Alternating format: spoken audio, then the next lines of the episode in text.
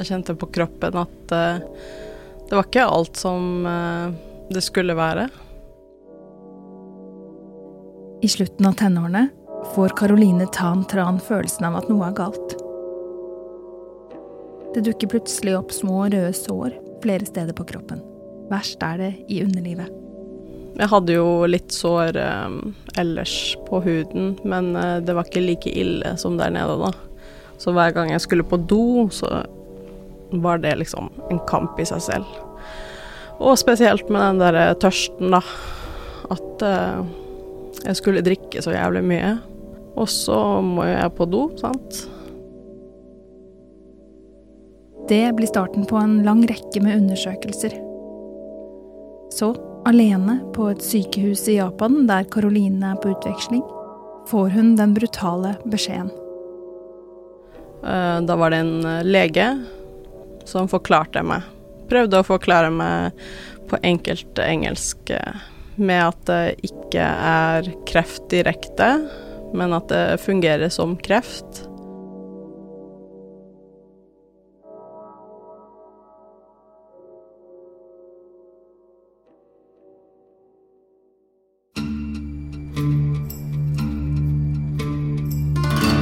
I dag, fem år etter sykdommen først ble oppdaget, to runder med cellegift og en friskmelding senere, skal Karoline tilbake.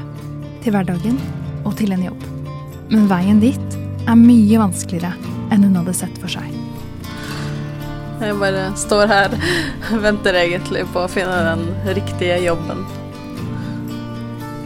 Som er veldig vanskelig. Du lytter nå til Røsla. Jeg heter Ida Bing.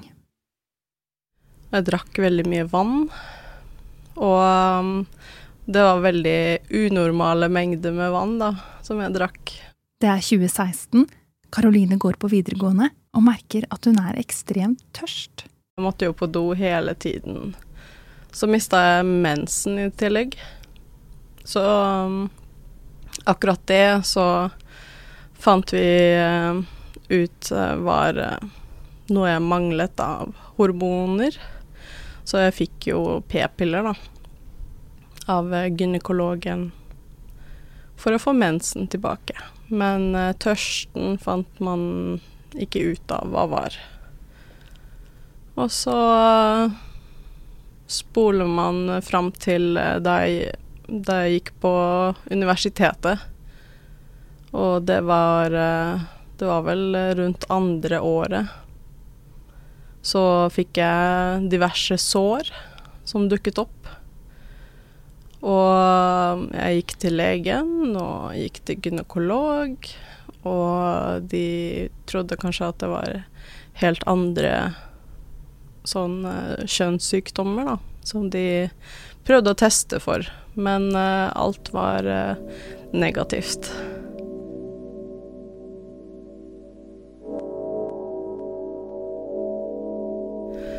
Så skulle jeg på utveksling til Japan. Karoline får med seg papirer fra Norge som dokumenterer møtene med lege og gynekolog. Karoline har så vidt kommet i gang med studiehverdagen i Japan, når sårene fortsetter å dukke opp. Og de blir vondere. Jeg hadde det veldig vondt, for å si det sånn. Uh, jeg gråt veldig mye. Det var veldig vondt å bare gå. Ja, jeg bare husker hvor vondt det var. Karoline prøver å komme seg til en lege som forstår engelsk. Etter flere runder til ulike sykehus i Japan blir det tatt en vevsprøve fra et av sårene. Og kom fram til at det var Langerhans cellehistiositose. Da var det en lege som forklarte meg hva det gikk ut på, da. Han sa vel kanskje noe med at det ikke er kreft direkte, men at det fungerer som kreft. Og at det er veldig sjeldent. Og så var det ikke så veldig mye mer jeg husker enn det, da. Langerhans cellehistiositose er en sjelden sykdom, der de hvite blodcellene muterer og angriper kroppen. Karoline får beskjed om at sykdommen kan gjøre mye skade hvis den ikke behandles. Hun reiser hjem til Norge og starter flere undersøkelser ved sykehuset i Bergen. Siden sykdommen fungerer som kreft, blir den også behandlet som det. Først får Karoline beskjed om at hun skal starte på de samme pillene som gis til pasienter med blodkreft. Jeg tror jeg gikk i ett år uten at det hadde noe effekt. Så det var vel da de bestemte at jeg kanskje skulle begynne på cellegiften, da. Spesielt eh, akkurat da skulle jeg begynne på det visuell kommunikasjonsstudiet på universitetet òg, ettersom jeg hadde blitt ferdig med japansken. Og jeg bare tenkte Jeg skal jo møte alle disse nye menneskene. Hva om jeg mister håret og bare forandrer meg helt? Um, men det endte jo opp med at jeg ikke mista håret. Så det var Jeg snakket ikke med andre medstudenter da, at jeg hadde denne sykdommen. Ikke, ikke før etter jeg hadde tatt så mye medisiner og skulle på sykehuset ganske ofte, så jeg måtte jo forklare det til lærerne, blant annet. Også de som var i vennekretsen, snakket jeg med. Men ellers så visste jo ikke de fleste hva jeg gikk gjennom.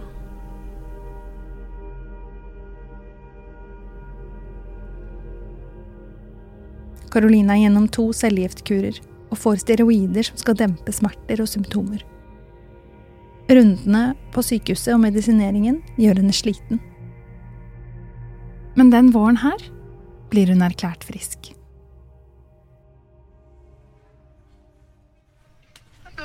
Hei, Karoline. Det er Ida. Nå står jeg ja, utafor. Hei. Hva skal jeg ringe på på ringeklokka? 304. 304. Karoline bor i en leilighet på Tøyen i Oslo med samboeren sin. Det er slutten av juni, snart ferietid, og straks skal paret flytte inn i en ny leilighet like i nærheten. Men Karoline har en viktig ting hun må fokusere på først. Nå har jeg allerede funnet fram et lite antrekk som jeg ikke vet helt om er sånn passe til intervju, men eh, alt annet klær er pakket ned, så Mm. Jeg syns det ser veldig bra ut. Så bra. det er litt sånn den der eh, hvit skjorte Ja. ja mm. det, er, det, er, bra. Bare litt mer sånn uttrykker meg, da, som personlighet. Jeg er litt mer sånn kreativ person, så ja. På den hvite skjorta har Karoline festa en vakker, blå nål.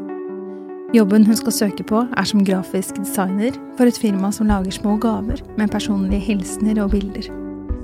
En jobb hun håper å få. Først og fremst fordi det er grafisk design hun drømmer om å jobbe med, men også fordi det betyr at hun kan sitte mer ned, ta pauser hvis hun trenger, kanskje komme litt seinere eller gå litt før, hvis hun må. Alt annet enn den deltidsjobben hun har i dag, på et bakeri. Og det er sånn at uh jeg har lagt merke til at hvis jeg klipper tåneglene mine, og så går på jobb, så får jeg en infeksjon. det, det, er helt sykt. For jeg setter så mye press på tærne at eh, tåneglene bare presser inn i huden, og så bare kommer det en sånn infeksjon. Det er en workout hver dag. Hva gjør du på jobb? Eh, jeg prepper eh, donutdeig, og så kutter jeg den opp, og den skal eh, inn i et sånt TV-skap hvor den eh, blir stor, og så skal den friteres av noen andre. Og så går det videre til kjøkkenet, hvor vi driver og dekorerer donutsene, da. Mm. Da er det mye løfting og bæring? Ja, mye tunge ting. Ja. Hvordan kjenner du deg etter en sånn arbeidsdag? da? Jeg er ganske um, sliten i føttene, først og fremst. Siden man står i uh, sånn syv-åtte timer og Ja, det er tidlig oppe om morgenen, og da har jeg egentlig bare lyst til å legge meg ned på sofaen og ta en blund. mm. det blir litt for mye. Slik kroppen til Karoline fungerer nå, så går det ikke an å fortsette på bakeriet. Iallfall ikke som en fulltidsjobb, som jo er det hun ønsker på sikt. For å klare å jobbe mer, må helt andre forhold ligge til rette. Eh, drømmesituasjonen vil jeg si er en jobb med litt sånn fleksitid, da.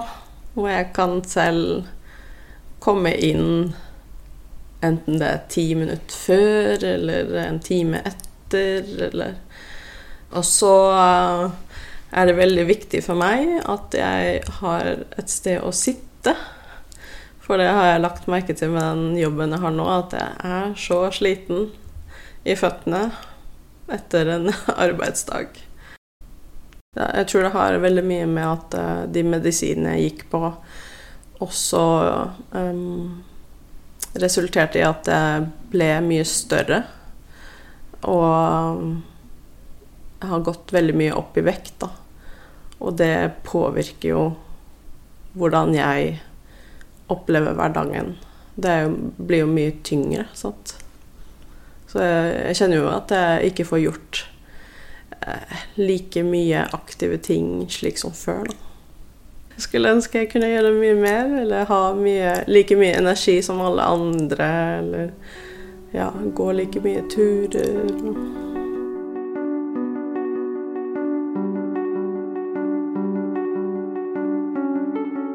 Jeg vet ikke om du husker en eh, kvinnelig komiker som fikk kreft for noen år siden. Eh, nå husker jeg ikke helt navnet, men hun um, gikk veldig opp i vekt. Hun var nesten helt ugjenkjennelig. Er det Kristine Koht? Ja, det stemmer. Og du ser liksom hvor mye de steroidene forandrer kroppen. I dag finnes ikke lenger tegn til mutasjoner i blodcellene. Og på papiret er Caroline frisk fra sykdommen. Men når vi møter henne, forteller hun likevel om utmattelse en kropp som har forandret seg, og som ikke er i stand til å gjøre det samme som før. Og det er hun ikke alene om. Det er ikke sånn at helsa di automatisk går tilbake til det der den var eh, etter kreftbehandlingen. Man kan få senskader. Det sier Anniken Golf Rokseth, som er kommunikasjonsrådgiver i Ung Kreft.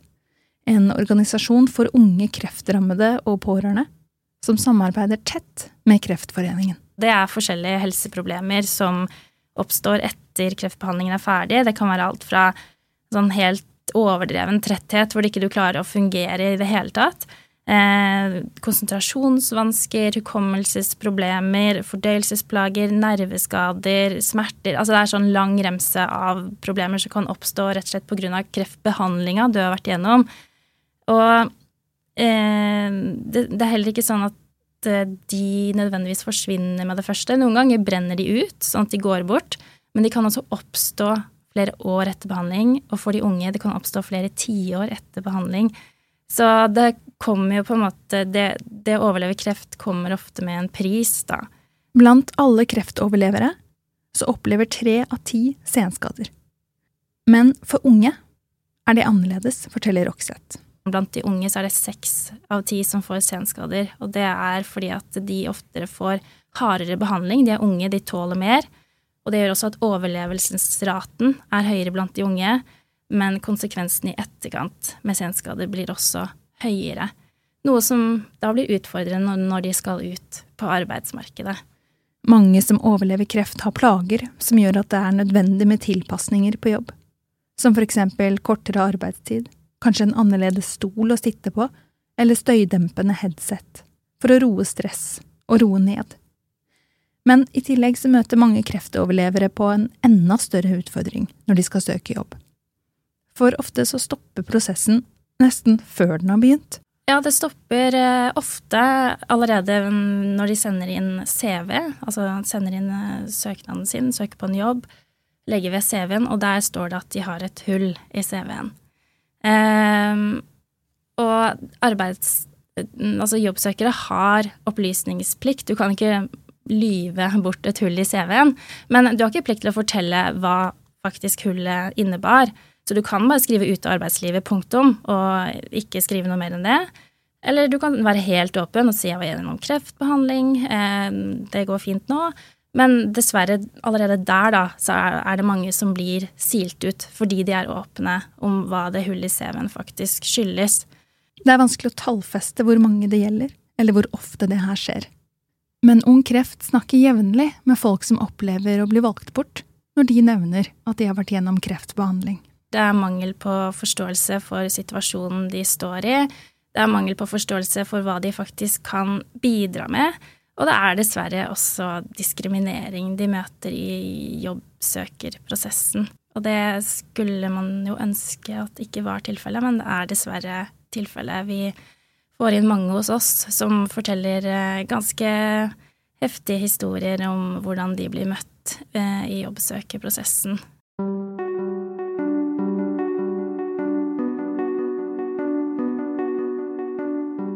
Koster samfunnet enorme summer å ha folk stående utenfor arbeid. Verditapet det er to og en halv ganger større for unge kreftoverlevere, fordi de får kreft i så ung alder og kanskje mister et helt arbeidsliv når de blir stående utenfor, forteller Roxette.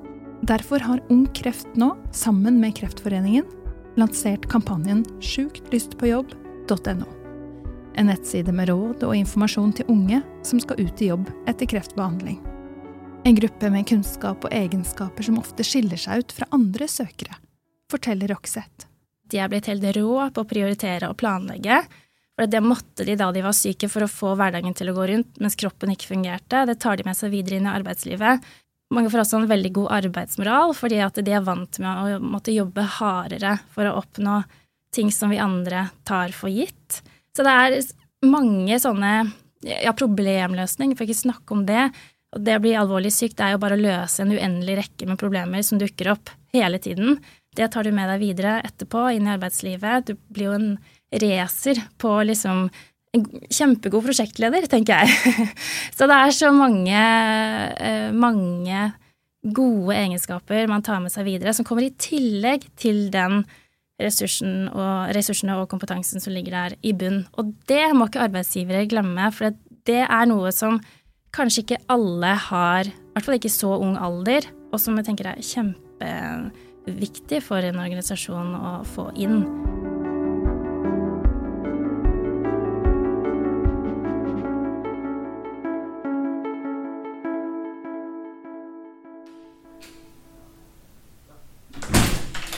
Sånn.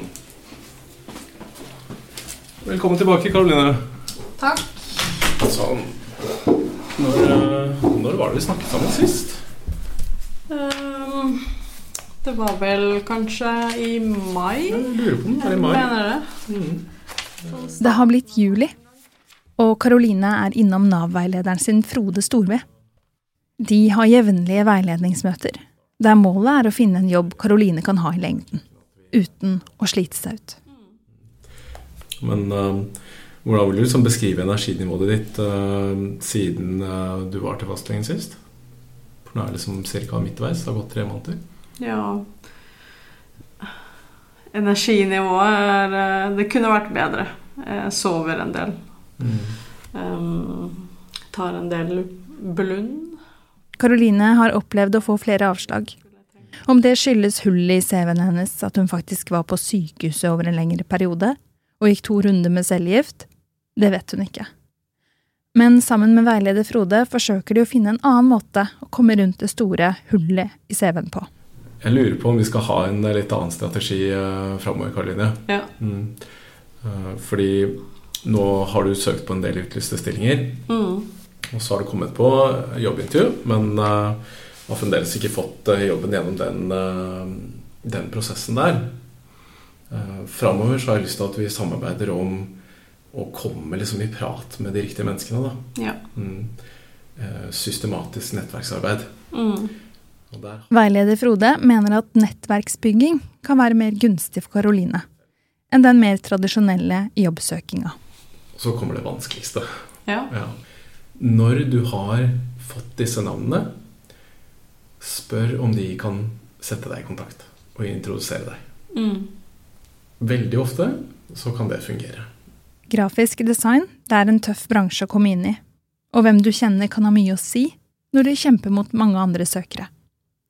Og selv om folk som søker på stillingen er ganske unge, så har de fleste allerede brede porteføljer og mye erfaring de kan vise til, selv som nyutdanna. Det har Karoline tenkt mye på.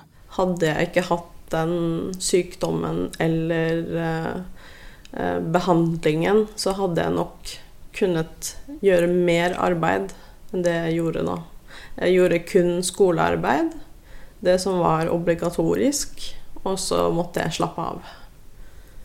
Mens alle andre kanskje tok på seg ekstra jobber, kanskje noe frivillig. Um, og bygget på sin portefølje da, innenfor grafisk design og illustrasjon. Så. Hvor viktig er en sånn portefølje når du søker jobb? Det er veldig viktig. Det er det første de ser.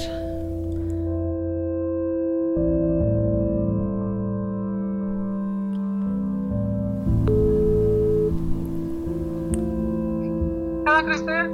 Hei, dette er Karoline Tran som ringer. Hei. Ja, jeg var hos dere på intervju forrige uke. Ja, Jeg bare lurte på om dere hadde bestemt dere for noen enda?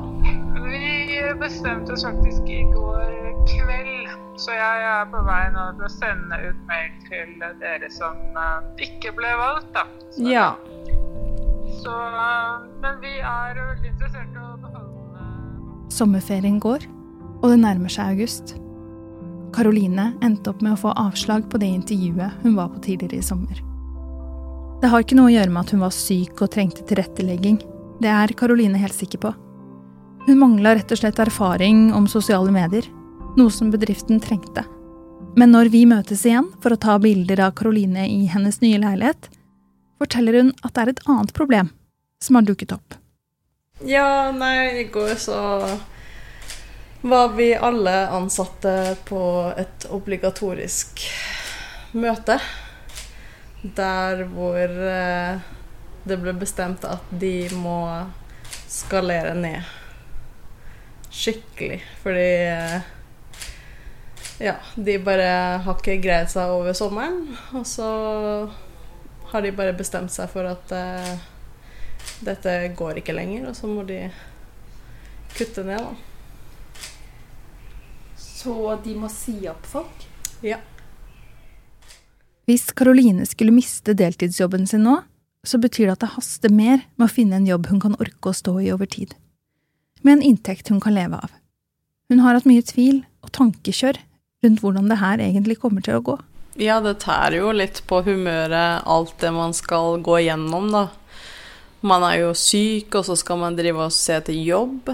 Da blir det litt sånn Hva er det jeg egentlig kan takle av jobb? Eh, hvor mye er arbeidsmengden jeg greier å tåle? Sant? Så det er veldig mye jeg tenker på. Har du liksom hatt perioder hvor du har vært mer nervøs og engstelig? Uh, ja, eller mer deppa, kanskje. Når man tenker sånn eh, Åh, alle andre har eh, så mye bedre sjanser for å få denne jobben enn det jeg har, og hva er det jeg egentlig kan bidra med når jeg har gått gjennom alt det her og ikke har nok erfaring og sånt. Men eh, det som gjør det enkelt i denne situasjonen, da, er jo at jeg kan starte i en jobb med en gang. At jeg ikke trenger å tenke på eh, oppsigelsestid og slikt. Og sånn økonomisk sett så har jo jeg det ok, og jeg kan eh, overleve litt til. Eh, Jeg har nå en samboer som eh, har fast inntekt, og jeg har eh, bufferkonto, så jeg, det tar nok litt tid før jeg trenger noe. Karoline er optimist. Hun tror det finnes arbeidsgivere der ute som ikke bare ser henne som et hull av manglende erfaring, men som kanskje vil lytte, slik at hun kan fungere best mulig og komme seg tilbake. Jeg tror eh, det har utvikla seg i positiv retning. Og jeg skal jo snakke med Nav-veilederen min eh, senere i dag, og jeg tror jeg er på god vei til å finne noe, da. Så det er derfor du smiler. Nei, jeg smiler jo av forskjellige grunner, da. En er jo at det er veldig fint vær, i dag, Og så Ja, det er så mye faktorer. Men det er liksom håpefullt, da. Ja, det tror jeg.